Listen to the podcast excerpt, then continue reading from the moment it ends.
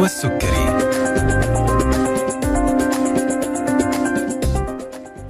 السلام عليكم ورحمة الله تعالى وبركاته. تحية طيبة لكم مستمعينا مستمعي ألف ألف أف أم الموجة السعودية. وأهلا وسهلا فيكم في حلقة جديدة من طبابة.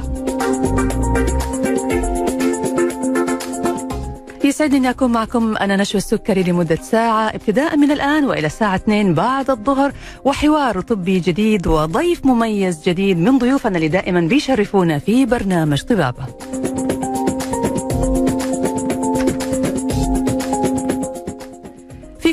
حلقات برنامج طبابة طبابة بنستضيف ضيف جديد وبنناقش موضوع طبي جديد بنناقش أبرز المستجدات المتعلقة بعلاج الأمراض المختلفة أعراضها وطرق تشخيصها وكيف يمكن أن نقي أنفسنا منها.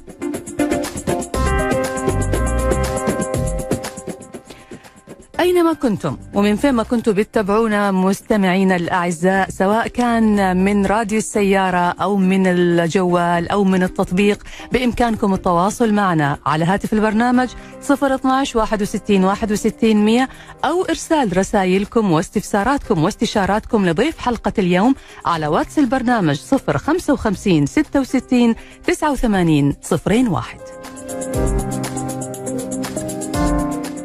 أيضا بإمكانكم التواصل معنا من خلال جميع حساباتنا على ال social media على الفيسبوك إنستغرام تويتر أو حتى اليوتيوب. الحلقة هتكون متاحة بإذن الله تعالى خلال 24 ساعة من بثها. اللي حابب إنه يستمع للحلقة من بدايتها أو يرسلها لأحد مهتم بالموضوع اللي طرحناه فيها هيلاقي الحلقة موجودة بإذن الله على حسابنا ألف ألف اف ام على اليوتيوب.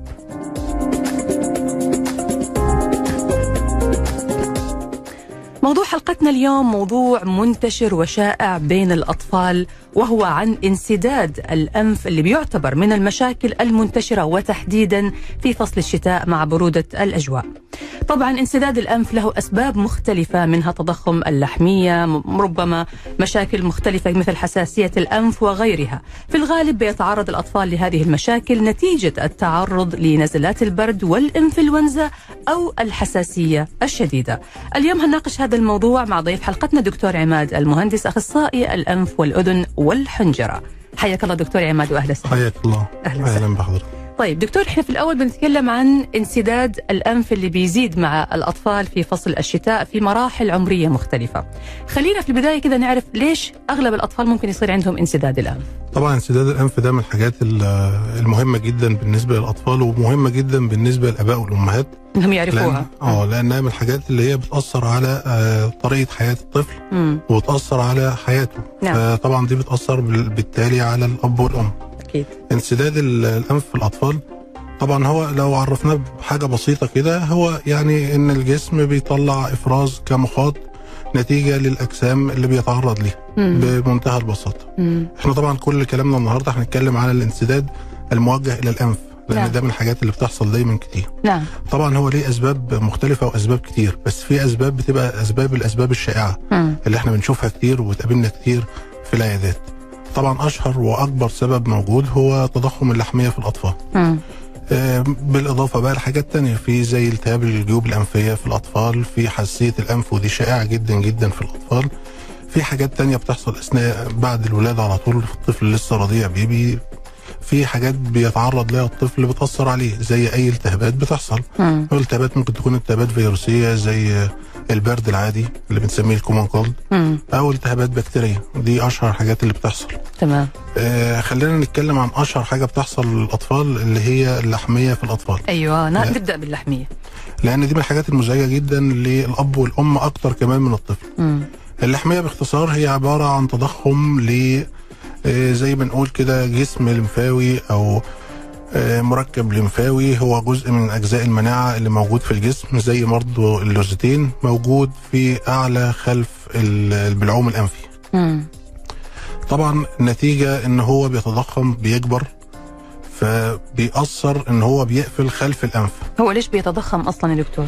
التضخم بتاعه حاجات كتير ممكن إن هو تعرض لالتهابات متكررة التهابات بكتيرية التهابات فيروسية الطفل بيجي له برد كتير مم. آه، الطفل عنده حساسية مستمرة بتأثر عليه ممكن بدون أي سبب إن مم. يحصل تضخم في ال- الجزء الليمفاوي ده فبيقفل خلف الأنف تمام طبعا لما بيقفل خلف الأنف بتبدأ تظهر الأعراض مم.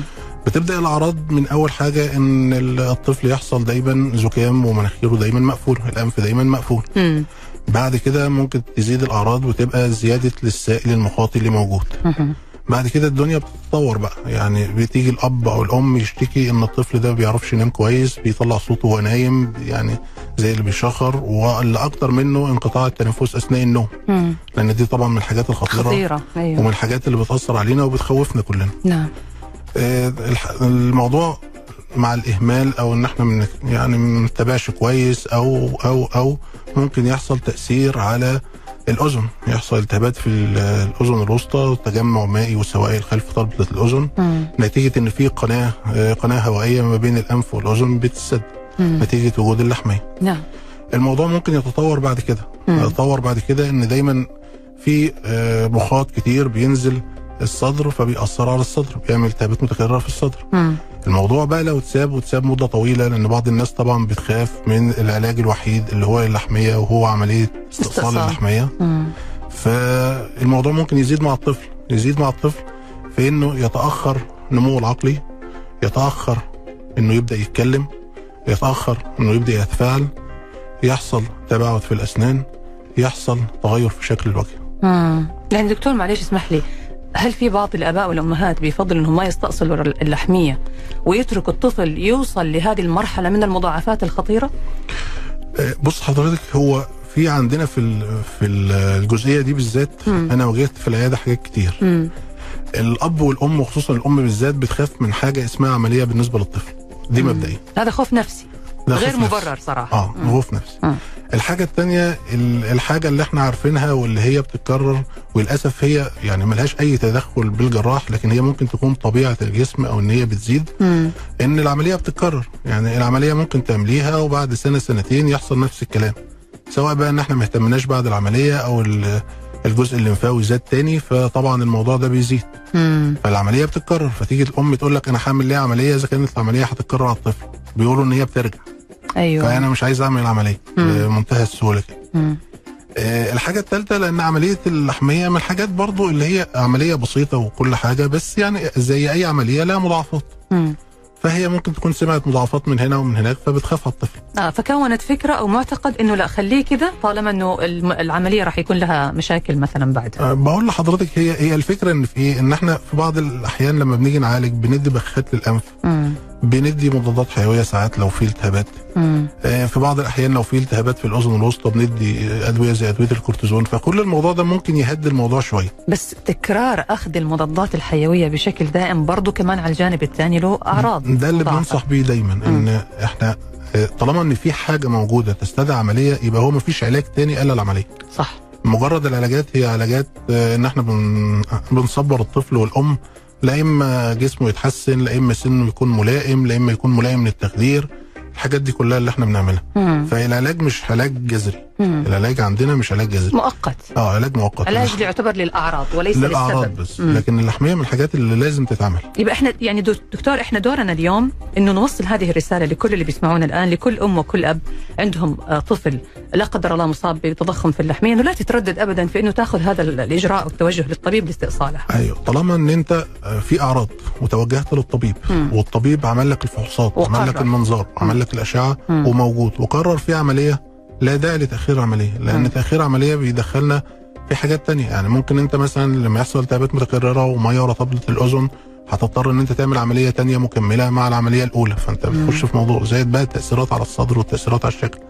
زائد من الحاجات اللي بتجي لنا وبتجي لنا كتير كمان إن يجي لك الطفل مثلا سنه بتاع سبع ثمان سنين وما بيتكلمش كويس أو زي ما بيقولوا كده بيتهته اللحمية آه هو ما يعني عنده حاجتين اولا هو طريقة النطق بتاعته مش كويسة مم. حاجة تانية بتحصل التهابات دايما في الأذن محدش بياخد باله فهو بيسمعش كويس فما بيعبرش عن نفسه كويس مم. دكتور هو الحل الوحيد لعلاج تضخم اللحمية هو االاستئصال؟ يعني هي ما يمكن تعالج فعلا بالأدوية؟ أصل هي زي ما بيقولوا كده هو جسم آه ليفي مم. زي الليفة. فما فيش هو بيقفل آه آخر الأنف من من الخلف فلازم أنت تفتح طريق للهواء عشان. يعدي يعني ما في حل. لأن بقول لك ده إحنا بعد ما بنعمل عملية في الغالب في حالات كتير بترجع ف... ما نقدرش إن إحنا ما نعملهاش. طيب إيش هو السن المناسب يا دكتور لاستئصال اللحمية؟ أنا هعرف الإجابة من حضرتك على هذا السؤال اللي هو السن المناسب لاستئصال اللحمية. وكيف بيتم إجراء آه، هذه الجراحة وما هو المتوقع بعد إجراءها؟ لكن هنطلع فاصل قصير ونرجع بعد ونكمل حلقتنا. أي سؤال أي استفسار أي استشارة حابين توجهوها للدكتور عماد المهندس أخصائي أنف وأذن وحنجرة. مستمعينا الأعزاء حياكم الله على واتس البرنامج 055 66 89 صفرين واحد. فاصل وراجعين.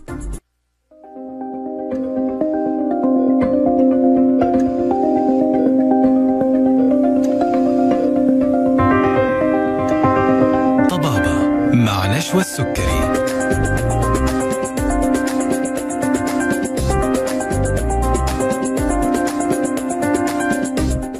حياكم الله من جديد مستمعينا الأعزاء وأهلا وسهلا فيكم مرة ثانية في برنامج طبابة عبر أثير إذاعتنا ألف ألف أف أم الموجة السعودية ومع ضيف حلقتنا اليوم الدكتور عماد المهندس أخصائي أنف وأذن وحنجرة وموضوعنا اليوم عن أمراض أو مشاكل انسداد الأنف عند الأطفال أمراض اللحمية واللوزتين وحساسية الأنف.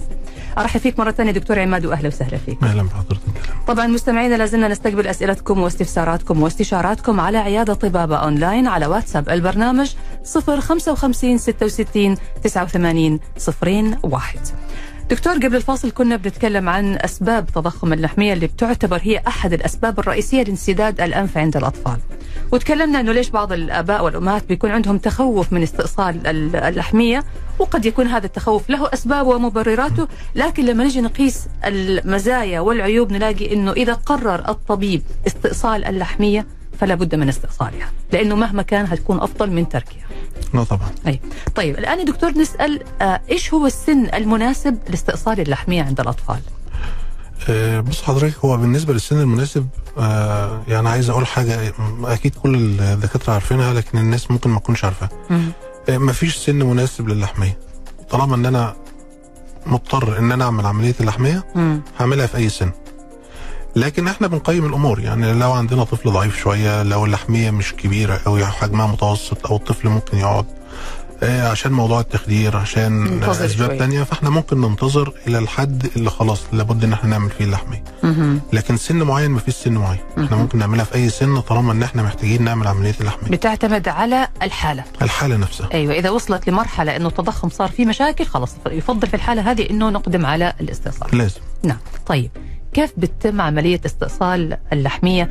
وأعتقد أنه الطب تطور كثير في الفترة الأخيرة هذه وصار فيه يعني صارت عملية بسيطة. آه، عملية اللحمية إحنا كنا زمان الطريقة العادية اللي إحنا بنعملها إن إحنا نعمل عملية حاجة اسمها كحت اللحمية بنكحت اللحمية بآلة كده اسمها كحات دلوقتي مع التقدم ووجود المنظار الضوئي فخلاص إحنا بنعمل عملية بالمنظار الضوئي. تمام. آه، الأحدث منه دلوقتي إن إحنا عندنا جهاز اسمه جهاز ال coblation ال coblation coblation آه ال coblation إن إحنا جهاز يعتبر تبريد. آه، نوع من الليزر يعني؟ آه، هو مش ليزر ال- الليزر؟ ده ال- آه، التبريد عن طريق ترددات مغناطيسية آه، بندخل. الجهاز. بي هو نفسه بيعمل آه بيقلل حجم اللحمية نفسها آه بيقلل كويس بدون. استئصال يعني آه باستئصال بس بحاجات بسيطة مثلاً؟ يعني استئصال آه مش آه قطع أو مش كحت مم. لكن إن هو بيشيل وبيعمل توقف للنزيف آه في نفس الوقت يعني مم. فالكوبليشن ده يعتبر من أحدث الحاجات اللي موجودة دلوقتي بمساعده المنظار مم. طبعا المنظار الضوئي ساعدنا, ساعدنا كتير في إن إحنا نحدد الحجم ونحدد المكان وتشوف كمان ونشيل معظم ال- اللحمية مم. بأمان وإن إحنا نتجنب الأعراض الجانبية اللي بتحصل مع أي عملية يعني. مم. ممتاز دكتور طيب هذه الحقيقة يعني حاجة خبر جميل وشيء طيب إنه إحنا نشوف إنه الطب تقدم في هذه في هذا الجانب يعني تحديدا الطفل يعني هذه العملية بالمنظار أو بال coblation اللي حضرتك ذكرته الآن برضه بتتم بتخدير؟ تخدير كلي؟ تخدير كلي. آه يعني ما في تخدير موضعي لا مش خاصة إنه الطفل يفضل إنه يكون مخدر كليا. تخدير كليا لازم. طيب آه، المتوقع بعد العملية دكتور إيش بيصير؟ يعني الطفل كيف اللي بيصير من مضاع مش مضاعفات خلينا نقول من آثار العملية والاستئصال. العملية آه، عملية اللحمية دايما مرتبطة بعملية تانية اسمها عملية اللوز فلا إما هو يكون عامل عملية اللحمية بس لا إما عملية اللوز واللحمية. الطفل اللي عامل عملية اللحمية ما عندوش أي مشاكل في البلع فبعد العملية خلاص يبقى إحنا بنديله العلاجات المطلوبة وبننصح الأم بالأكل على طول. الحاجات السائلة وال- والساقعة في أول يوم وبعد كده كل حاجة ممكن الطفل ياخدها. مم.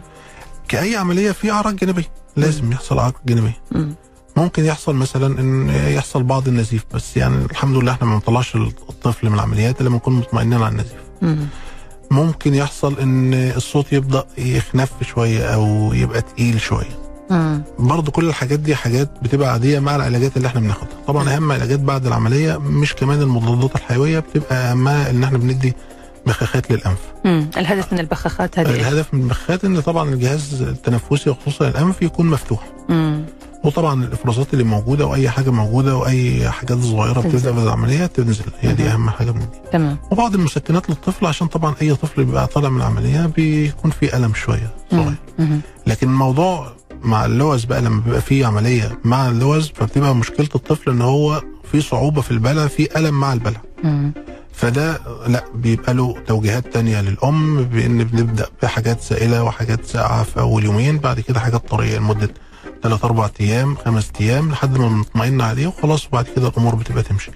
فمع اللوز بعد العملية بتبقى الأمور أصعب شوية لأن الطفل نفسه بيعاني من البلع. هو دكتور في ارتباط بين اللوزتين التهاب اللوزتين واللحمية هل اللي عنده لحمية لازم يكون عنده مشاكل في اللوزتين؟ هو الارتباط بارتباط طبيعة ال- الجهاز الليمفاوي. ده جزء من الجهاز المناعي. مم. زي اللوز برضه جزء من الجهاز المناعي. صحيح. فممكن في ارتباطات كتير انها بتحصل إن بيكون في عندنا طفل عنده التهابات في اللوز متكرره فبيكون في انسدادات دايما متكررة في الأنف فالانسدادات المتكررة في الأنف بتكون سبب في إن اللحمية ممكن تزيد. نعم. فممكن نلاقي ارتباط ما بين الاثنين دي مع دي. بس مش بالضرورة إنه يكون اللي عنده لا مش بالضرورة. أيوه اللوز ليها ليها مجال تاني في أسباب إن أنا بعمل عملية اللوز أو مم. الحاجات اللي بتحصل مع عملية اللوز. تمام تمام. تمام دكتور. طيب آه، متى برضو يرجع الطفل لطبيعته؟ يعني هذه بعض الآثار اللي بتترتب بعد ال- الاستئصال بيعاني من بعض المشاكل. متى متوقع الطفل يرجع طبيعي ويمارس حياته بشكل طبيعي وما عنده مشاكل أو أي أعراض؟ بالنسبة لعملية اللحميه مفيش أكتر من يومين ثلاث أيام أربع أيام آه، على حاجة مم. بالنسبة لعملية اللوز ممكن الموضوع يمتد لأول أسبوع لأن زي ما بقول لك بتبقى المشكلة في البلع. طيب خلينا دكتور نروح للسن الأكبر شوية. اللحمية ممكن كمان تصيب الكبار. ممكن تصيب الكبار طيب كيف بيكون الإجراء في الحالة هذه مع الكبار الاجراء آه، الإجراء نفسه. كعملية هو هو نفس ال- آه، نفس. الإجراء بس بيقولوا دائما إنه مثلا استئصال اللوزتين عند الأطفال أسهل من استئصالها عند الكبار، هل اللحمية نفس الشيء؟ آه، نفس الكلام مم. اللحمية في الكبار بتبقى الأعراض الجانبية بتاعتها أكتر فبالتالي أنا لما بكون بعمل عملية بيكون في احتياطات أكتر نعم لكن في الأطفال بتبقى ال- الأمور بتبقى إلى حد ما أسهل الأعراض. الجانبية بتاعته بتبقى أسهل شوية. طيب نج- نجي دكتور على موضوع آه، يعني ما بعد إجراء ال- العملية اللي هي استئصال اللحمية، حضرتك قلت لي كلمة قلت إنه إذا ما اهتموا الأهل بعد استئصال اللحمية ممكن يصير في بعض مشاكل مستقبلية. فإيش النصائح اللي حضرتك توجهها للأهل في هذا الجانب؟ النصيحة الأولى المتابعة مع الطبيب. لابد إن يكون في متابعة دورية مع الطبيب إن إحنا كل فترة كده لازم نروح نشيك على الطفل نشوف. أخباره إيه. الحاجة الثانية المراقبة. إحنا بنبص على الطفل بنشوف فيه انسدادات موجودة ولا لأ. هل مم. الطفل بقى بدأ يتنفس ولا لأ؟ نعم. بدأ لو كان عنده تأخر في الكلام بدأ يتكلم ولا لأ؟ السمع لو كان عنده مشكلة في السمع بدأ يتحسن ولا لأ؟ مم. الحاجة الثانية العلاجات. إحنا بندي ساعات علاجات حماية للطفل اللي هي بعض البخاخات للأنف. مم. وبعض أدوية الحساسية إن كان الطفل عنده أساسا حساسية للأنف. وبنتابعه بنشوف حجم اللحمية أخبارها إيه والطفل أحواله إيه والكلام ده كله. فالمتابعة للطفل دي مهمة جدا آه، إن إحنا نتوجه للدكتور دايما لو حصل كمان أي أدوار من أدوار البرد المتكررة مم. أو انسدادات في الأنف حتى مم. لو انسدادات مثلا إحنا عارفين إن الطفل مثلا عنده حساسية في الأنف فمحتاج إن إحنا نوديه للدكتور يبص عليه تمام هل ممكن تعود اللحمية مرة ثانية؟ ما زي ما قلت لحضرتك قبل كده اللحمية طبعا فيها عوامل إن هي ممكن تعود بعدين. بس حضرتك قلت لي الكلام هذا كان في الفاصل ما كنا على الهواء. فهل يعني إذا إذا رجعت اللحمية مرة ثانية إيش يصير تعم برضه نرجع نستأصلها جراحيا مرة ثانية؟ إحنا بنقيم تاني بنعمل منظار وبنعمل أشعة وبنشوف حجم اللحمية. هل حجم اللحمية زي المرة الأولى محتاج عملية ولا حجم اللحمية متوسط؟ مم. في في بعض الأحيان لما يكون حجم اللحمية أقل من المتوسط ومجرى الهواء مستمر بنتابع مم. لكن إن وصلت لنفس الحجم فخلاص إحنا ما فيش قدامنا غير إن إحنا نعمل اللحميه تاني تمام و- وزي ما بقول لحضرتك أصل هي المشكلة إن إحنا عارفين إن هي بترجع ويعني أي دكتور بيعمل عملية اللحمية هو بيقول للمريض إن هي احتمال إنها. ترجع مم. لكن إحنا مش هنقدر برضه نسيب الطفل. يتأثر تاني عشان ما نعملوش لحمية تاني صح صح أتفق معك تمام دكتور بعد الفاصل هنتكلم عن التهاب اللوزتين واسبابه وكيف يتم التعامل معه وناخذ برضو بتفصيل أكثر عملية استئصال اللوزتين ونتكلم كمان عن حساسية الانف فاصل وراح نرجع بعده مستمعينا نكمل حوارنا. لازلنا نستقبل أسئلتكم واستفساراتكم واستشاراتكم على واتس البرنامج 055 66 89 01 فاصل وراجعين.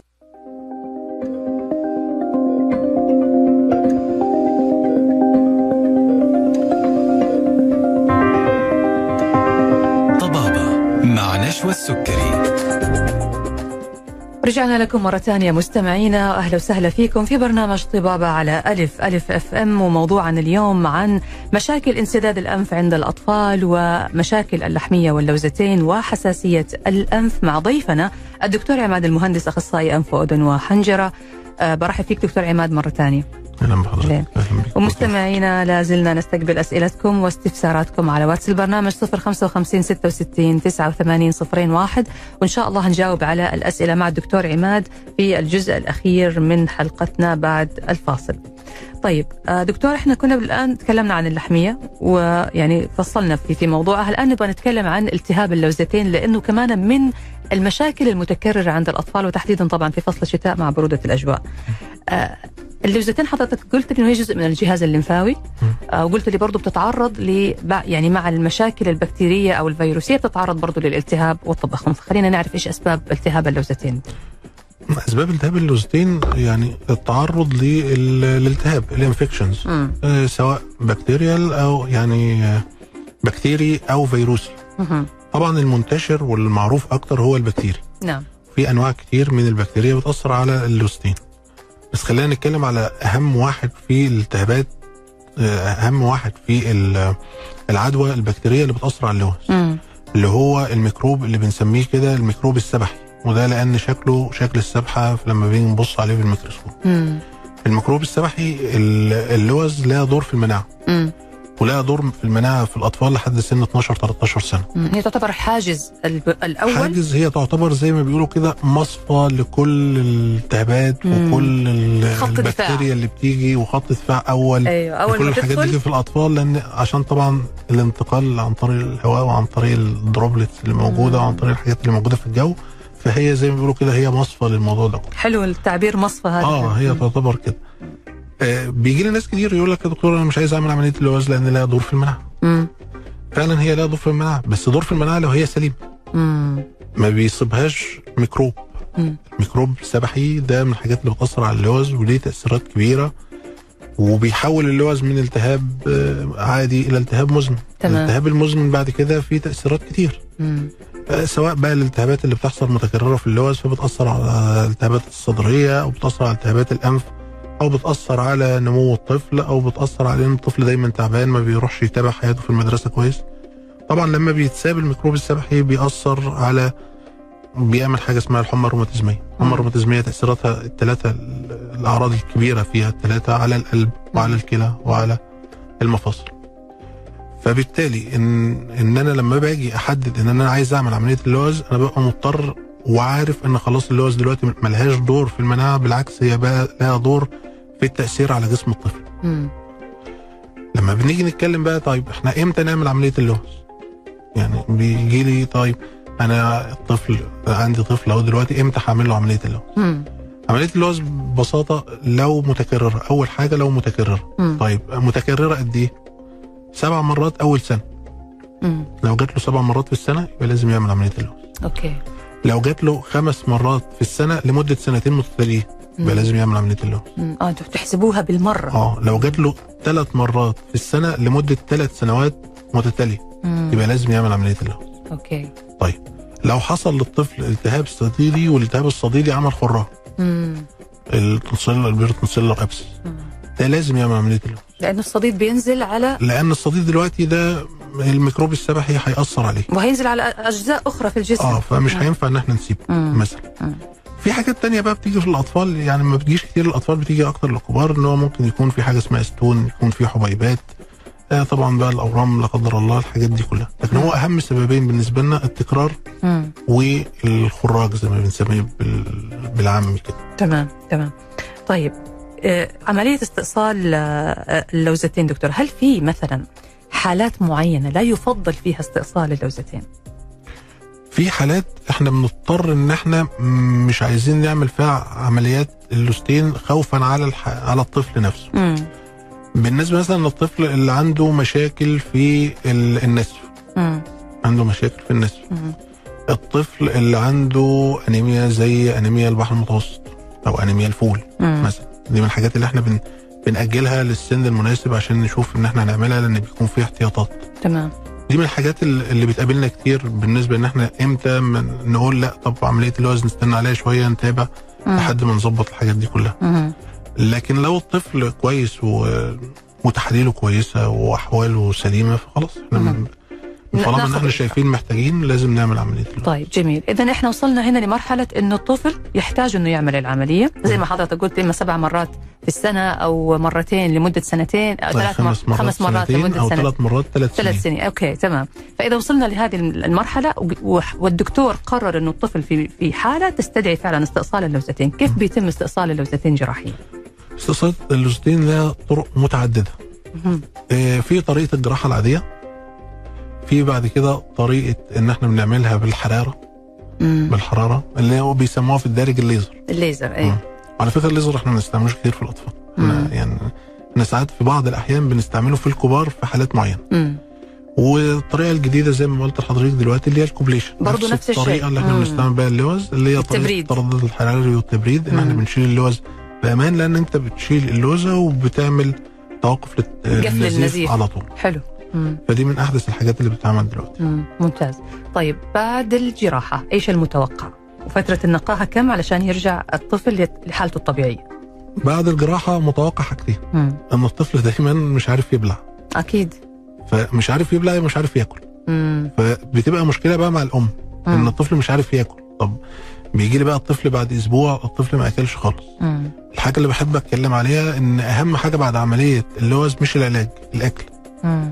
لأن هو المفروض أصلا بعد عملية اللوز إحنا ما بنديش علاج إحنا. بندي علاجات آه، حاجات بسيطة زي خوافض الحرارة زي آه، حاجات آه، بخاخات للفم ساعات بعض المضادات الحيوية لأن ببقى متوقع إن الأم مش هتعرف تأكل أول يومين وتاني وتالت يوم ورابع يوم لأن الطفل مش مساعدها إن هو ياكل. مم.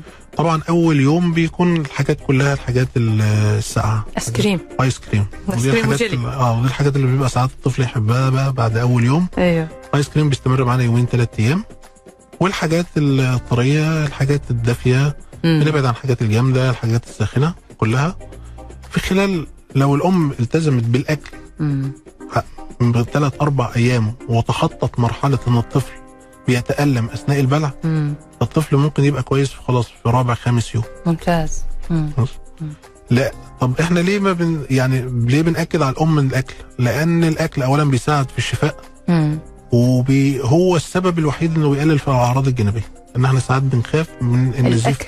آه النزيف مم. الأولي والنزيف الثانوي كأن الأكل لما بينزل مع عملية البلع وكأنه مثلا بيضغط المنطقة مثلا. إحنا بن... الهدف إن انت بتحركي اللعاب. آه. لما بتحركي اللعاب بتعملي حاجات كتير اولا الحاجات ال... الطبقة اللي إحنا شلنا منها عندها اللوز مم. الطبقه اللي هي الطبقة اللي بتبقى الطبقة البسيطة اللي بتتكون مم. تبدأ تتكون تقفل على الأوعية الدمويه اللي موجودة في آه في أساس اللوز اللي. هو البيز. بتاع. فبالتالي بتحمي إن بيجدد. يحصل نزيف. نزيف, نزيف وبتعمل انقباض الحاجة الثانية إن الطفل بياكل يبقى خلاص حركة ال- اللعاب بتشتغل حركة البلعوم بتشتغل بتحميه من كل الكلام ده كله. جميل. وبعد آه، ما يرجع الطفل للحياة الطبيعية يعني بعد ما تخطينا الخمسة أيام هذه أو الستة أيام والحمد لله صار طبيعي وما عنده مشاكل في البلع خلاص بيمارس حياته بشكل طبيعي ويقدر يرجع مدرسته مثلا لو كان في المدرسة عادي. بي- خلاص خلال أسبوع ممكن الطفل يرجع المدرسة. مش. أي مشكلة. طالما الطفل بدأ ياكل وبدأ يتعايش وبدأ ما يحسش بألم. وطبعا إحنا بعد أول أسبوع لازم نجيب الطفل نطمئن عليه ما فيش أي أعراض جانبية ما فيش أي نزيف ما فيش أي حاجة خلاص الطفل مم. ممكن يقعد ممكن بعد أسبوع 10 أيام أقصى حاجة يرجع للمدرسة ويت- ويتابع حياته الطبيعية عادي. ليش يا دكتور آه، الاستئصال اللوزتين عند الكبار صعب استئصال اللوستين عند الكبار صعب لأن الأعراض الجانبية بعد العملية بيبقى أصعب هي عندهم الأعراض الجانبية آه الألم. بيبقى أصعب مم. واحتمالية النزيف بتبقى أكبر مم. مم. زائد برضو إن يعني ال- الكتلة الليمفاوية اللي هي التونسل نفسها اللي هي اللوزة نفسها مم. تكون أكبر بتبقى أكبر وأصعب في استئصالها في الأط... مم. في الكبار الكبار عشان كده يفضل لو الطفل عنده مشاكل في اللوزتين وهو صغير. وهو صغير طيب جميل طيب ننتقل يا دكتور الآن لموضوع الجيوب الأنفية وهي برضو من المشاكل اللي بيعاني منها الأطفال وبتسبب مشاكل عندهم في التنفس وكذا. فخلينا برضو نعرف إيش أسباب آه، الجيوب الأنفية والتهابها. طيب إحنا هنفرق برضو بين حاجتين بتحصل في الأنف اللي. هي حساسية الأنف و- مم. والجيوب الأنفية. تمام. الجيوب الأنفية التهاب زي أي التهاب بيحصل. ممكن يكون التهاب بكتيري ممكن يكون التهاب فيروسي ممكن بعض الحالات بتبقى التهاب فطري ودي بتحصل في الكبار يعني. تمام. التهاب يعني عدوى عدوى اتنقلت للطفل عملت آه، التهاب في الجيوب الأنفية. التهاب الجيوب الأنفية ليه أعراض. آه، اعراضه أهم أعراضه طبعا انسداد في الأنف آه، إفرازات مخاطية بيتغير لونها من الأصفر للأصفر داخل على الأخضر لحد الأخضر وبعض الأحيان بتبقى فيها مخلطة زي ما بيقولوا بدم أو فيها قطع. دم صغيرة. والصداع أي الصداع هذا أكثر شيء بس ده أكتر بيحصل مع آه، الكبار. الصداع في الطفل الطفل ما بيعرفش يعبر عن إن هو عنده صداع مم. لكن أنا بال- بالفحص بعرف أنا الطفل عنده صداع ولا لأ. أهم حاجة في الأطفال هي ارتفاع درجة الحرارة مم. ارتفاع درجة الحرارة من الحاجات الأساسية إن إحنا نشوف درجة الحرارة فوق 39 ونص تمام فبنتأكد هنا إن في التهاب في الجيوب الأنفية بيبقى التهاب بكتيري تمام تمام طيب كيف يا دكتور بيتم العلاج؟ بالنسبة لالتهاب الجيوب الأنفية لو تأكدنا إن هو التهاب في الجيوب الأنفية نتيجة التهاب بكتيري مم. طبعا بتبقى في مضادات حيوية بتستمر من أسبوع ل 10 أيام مم. ساعات بنحتاج أكتر من كده بس في بعض الحالات مهم. آه، بخاخات الأنف عشان نفتح الأنف مم. آه، مضادات الحساسية في بعض الأحيان لو الطفل مصاحب معاه كمان حساسية مم. وخافض الحراره خفض. متى ممكن نحتاج الكورتيزون؟ هذا السؤال هسأله لحضرتك وهنعرف الإجابة عليه بعد ما نطلع الآن. فاصل قصير ونرجع بعد ونكمل حوارنا. لازلنا نستقبل أسئلتكم على واتس البرنامج 055 66 89 صفرين واحد. وإن شاء الله هنجاوب على الأسئلة في الجزء الأخير اللي إحنا هنرجع له بعد الفاصل بإذن الله. فاصل وراجعين.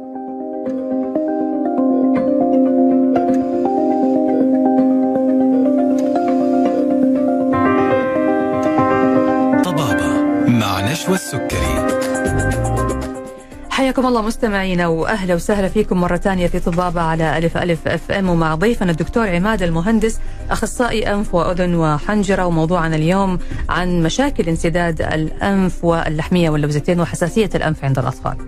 حياك الله دكتور عماد وأهلا وسهلا فيك. أهلا بيكم آه لازلنا برضو نستقبل أسئلتكم مستمعينا على واتس البرنامج 055 66 89 صفرين واحد ووصلنا إلى الجزء اللي راح نجاوب فيه على الأسئلة بس راح الأول ناخذ آه نكمل السؤال اللي كنا بنتكلم عنه قبل الفاصل يا دكتور في علاج الجيوب الأنفية وحضرتك قلت إنه بياخذ بخاخات وادويه للحساسية آه متى يتم استخدام الكورتيزون؟ الكورتيزون بنستعمله آه، في أعراض معينة مم. لما يكون عندنا أعراض معينة في الجيوب الأنفية. لو اولا بالنسبة لموضوع حساسيه الأنف لو الحساسية مستمرة لمدة كبيرة قوي. واستعملنا كل العلاجات المتاحة وحاجات اللي ضد الحساسية وحاجات بنديها كمان عشان تحمي الحساسية. في بعض الأحيان بندي آه، كورتيزون كشورت آه، acting لمدة معينة يعني نعم. بنديه لمدة معينة بجرعة معينة مم. جرعة صغيرة. نستمر عليها فتره ما تزيدش عن أسبوع 10 أيام. لكن في حاجات بنحتاج لها الكورتيزون أكتر آه، إن تكون لحميات مثلا في الأنف الجيوب الأنفية آه، حاجة تانية لو حصل التهابات في الأذن حصل التهابات في الأذن وتجمع مائي خلف طبلة الأذن اللي هو بيحصل نتيجة زي ما قلنا أي مشاكل في الأنف أي. مشاكل في الأنف ممكن تسبب الموضوع ده. ساعات بنلجأ للكورتيزون. برضو في موضوع الكورتيزون لأن في ناس كتير بتخاف من الكورتيزون بالظبط. و... وأعراضه الجانبية والكلام ده. الكورتيزون علاج زي أي علاج مم. أي علاج في الدنيا ليه جرعة ليه مدة ليه أعراض جانبية مم. فالكورتيزون بنديه بجرعة معينة في مدة معينة عشان نتجنب المشاكل أو المشاكل اللي بتحصل. منها. نعم فكل حالة وليها الجرعة المعينة اللي إحنا بنستخدم فيها موضوع الكورتيزون. مفيش أي قلق من الكورتيزون طالما ان كاتبه دكتور وملتزمين بالجرعات ال- آه وملتزمين بالجرعات لحاجة معينة مم. هو ممكن الحاجات اللي بتحصل مع الكورتيزونات لا إما المريض في في مرض محتاج جرعات كبيرة لمدد كبيرة مم. أو لا إما الناس مش ملتزمة بالجرعات أو بتستخدم الكورتيزون استخدام خاطئ. جميل. طب ناخذ يا دكتور كده في يعني دقيقة آه كيفية يعني ممكن يكون في نصائح بسيطة وفعالة للتخفيف من حدة التهاب الجيوب الأنفية؟ آه، هنتكلم عموما يعني. إيه؟ اولا إن إحنا كحاجة بتتنقل بكتيريا بتتنقل أو infection بيتنقل أو عدوى بتتنقل مم. يبقى أهم حاجة إن إحنا في التجمعات نقلل التجمعات شوية إن إحنا نكون في التجمعات مم. ونكون لابسين وسائل الحماية. أقل حاجة ال mask مثلا. النظافة الشخصية خصوصا للأطفال غسيل الأيدي. دي مهمة جدا مم. استخدام المحلول المنظف للأنف اللي هو المحلول الملحي. الحاجات اللي بت- بتطهر أنف اول باول مم. ممكن نستعمل حمامات البخار حمامات البخار من الحاجات برضو اللي بتساعد في التنفس وبتساعد في إن إحنا نبعد عن العدوى. دي الحاجات الأساسية اللي إحنا لازم نعملها عموما في البعد عن العدوى عموما في أي. حاجة. خصوصا العدوى في الجهاز التنفسي مم. طب إذا كان الموضوع حساسية حساسية جيوب أنفية حساسية الجيوب الأنفية مشكلتها إن أنت عندك إن الجسم بيقاوم مسببات الحساسية بأعراض معينة مم. نتيجة إفرازات مواد معينة زي الهستامين نعم فهي نفس الحاجات اللي إحنا بنعملها خصوصا للطفل مم. يعني إحنا بنعود الطفل وهو صغير إن هو دايما لازم يكون بي بيغسل إيديه. ولما بيكون في تجمعات موجودة أنت موديه الطفل المدرسة وعارف إن الطفل عنده حساسية وفي تغيرات آه. في درجة فلا الحراره تزيدي وكده. عليه كمان عدوى بكتيريا آه فلازم نكون لابسين وسائل حماية. الماسك مثلا مم. حاجة تانية في بعض الأحيان لما بيكون في تغيرات كبيرة في الجو أنا بنصح الأم إن الطفل ما يخرجش أوكي. لأن لو خرج هيتعرض لمسببات معاه الوقاية. أفضل في الحالة. الوقاية أحسن. جميل. طيب أستأذنك يا دكتور الآن نأخذ الأسئلة اللي جاتنا من المستمعين الكرام. آه طبعا عندنا هذا السؤال من الأستاذ عبد الولي صياد من الرياض. يقول السلام عليكم طاب مساءكم. ولدي عمره الآن 14 سنة ودائما أنفه مسدود. وإذا راح الانسداد يجيه آه مخاط. باستمرار وبالرغم من أننا شلنا منه لحمية قبل ثمانية سنوات وما عنده شخير. السؤال ما هي المشكلة وما الحل المناسب لأننا فعلا متضايقين ودمتم بخير. الله يشفيه يا رب ويخليه لكم. اولا ألف سلام عليه. الحاجة الثانية المشكلة ممكن تكون مشاكل متعددة. اولا اللحمية ممكن تكون رجعت تاني زي ما إحنا قلنا. مم. رجعت مش بنفس القوة الأولى. يعني عاملة بس انسداد فالانسداد بيعمل تراكمات مخاطية. تمام. ممكن تكون حساسية مزمنة. مم. حساسية مزمنة مزمنة بتعمل مخاط. مم. اي نعم هو بيبقى مخاط. سائل شفاف مم. بس ممكن يختلط على ال- المستمع مم. الحاجة الثالثه ممكن يكون في التهاب في الجيوب الأنفية أو حتى التهاب مزمن مم. فطبعا أحسن حاجة في الموضوع ده لا- لابد إن المتابعة مع طبيب للكشف وعمل منظار وعمل إشعة لو محتاج يعني. تمام تمام طيب في سؤال آخر آه، تقول بنتي عمرها سنتين وثمانية أشهر أجرت عملية بعمر سنة لفتحة سقف الحلق فقط بدون الأرنبية وبيصيبها أعراض برد متقطعة مع أي وعكة أو برد فما هو الحل؟ يوجد موية خفيفة خلف الطبلة ودكتورة الأنف تقول تروح مع الوقت آه، هي فعلا مشكلة المية اللي في الأذن بتحصل آه، المشكلة دي أكتر مع ال- الشق اللي في سقف الحلق اللي هو اسمه الكليفت بلد مم. وفعلا هو الحل في الموضوع ده إن هي المتابعة مع طبيب وهي فعلا بتروح مع الوقت مع استخدام بعض الحاجات لفتح الأنف مهم. إن إحنا بنستخدم ساعات بخاخات ومنظف للأنف وبنتابع الطفل على طول باستمرار. بنعمل لها مثلا منظار بنبص على الأذن ونطمئن عليه. يعني فعلا هو الانتظار هو الحل. الانتظار هو الحل لأن ال cleft palate من الأعراض الجانبية بتاعته هي الحكاية دي. مم. طبعا هي لما هتعمل إن شاء الله عملية ال cleft palate هي بس المشكلة إن هي بتتأخر شوية لحد سن ست سنين. بتبدأ الأعراض دي تروح. تمام طيب في سؤال كمان دكتور يقول رعاف الأنف بيتكرر بشكل دائم كيف أفرق بين رعاف الأنف العادي ورعاف الأنف الخطير اللي يستلزم التوجه إلى الطبيب إيه، رعاف الأنف اللي هو نزيف الأنف نزيف الأنف إمتى بنتوجه للطبيب لما مم. كمية الأنف بتزيد كمية نزيف الأنف بتزيد عن عن كمية معينة أو عدد مرات معينة مم. يعني إحنا مثلا قاعدين لقينا في كمية كبيرة مم. تنزل مم. ومستمرة مم. طيب وقفت. وبعد كده بعد آه، خمس ست ساعات يوم يومين حصلت نفس الموضوع يبقى لابد نتوجه للطبيب. لأن هي ساعات بتحصل في الأطفال أو في الكبار لبعض الناس اللي عندهم ضعف في الشعيرات الدموية فساعات بيحصل الموضوع وبيبقى الموضوع بسيط. مم. يعني إحنا دكتور نقلق لما تكون كمية النزيف كبيرة أو كثرة مرات التكرار. النزف. التكرار. هنا لازم نلجأ للطبيب. لازم. لكن ما عشان برضو ما نخوف المستمعين وإحنا ما نخاف لكن لو مثلا صار مرة في نزيف كذا بسيط بشكل عرضي وكمية بسيطة عادي ما ما نقلق ما فيش أي مشكلة. والتصرف في الحالة هذه إنه الشخص آه، يرفع رأسه للأعلى ولا إيش التصرف يا دكتور؟ التصرف الأحسن إن الطفل إن الشخص ما يرفعش لا الراس ولا ينزل الرأس. أي شيء الرأس مستقيم. الطفل الشخص الرأس مستقيم وبنحط كمادات مية ساقعة شوية على أعلى الأنف مم. وبن- وبنضغط عليها كده لمدة دقيقة دقيقتين يضغط عليها عشان يمنع نضغط على الانف أيوه آه. هذا هو الحل الوحيد لكن مو يرفع راسه أو يرفع لا رفع الراس. هيخلي ال- الدم ينزل. الدم ينزل مهم.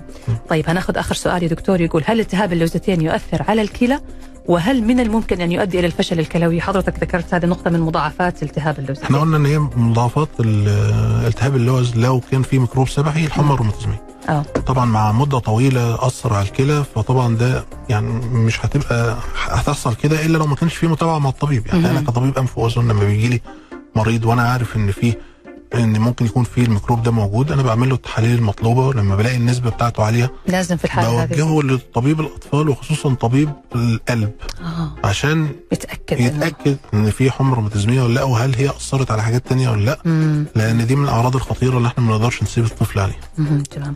أنا بشكرك جزيل الشكر الدكتور عماد المهندس أخصائي أنف وأذن وحنجرة. شكرا جزيلا لوجودك معنا دكتور. دكتور عماد المهندس للي سألوا عن مكان وعيادة الدكتور في آه، عيادات سابا فرع وطنك الصفا آه، طبعا الدكتور بيرحب بأي استشارات آه، من مستمعي برنامج طبابه وطبعا آه، مستمعي ألف ألف أف أم. شكرا لك دكتور عماد. شكرا لكم والمستمعين. الله. يسلمك. الشكر موصول لكم أنتم أيضا مستمعينا الأعزاء. نلقاكم على خير إن شاء الله في حلقة الغد. تقبلوا تحياتي أنا نشوى السكري ومخرج الحلقة عمر حسين. في حفظ الله ورعايته.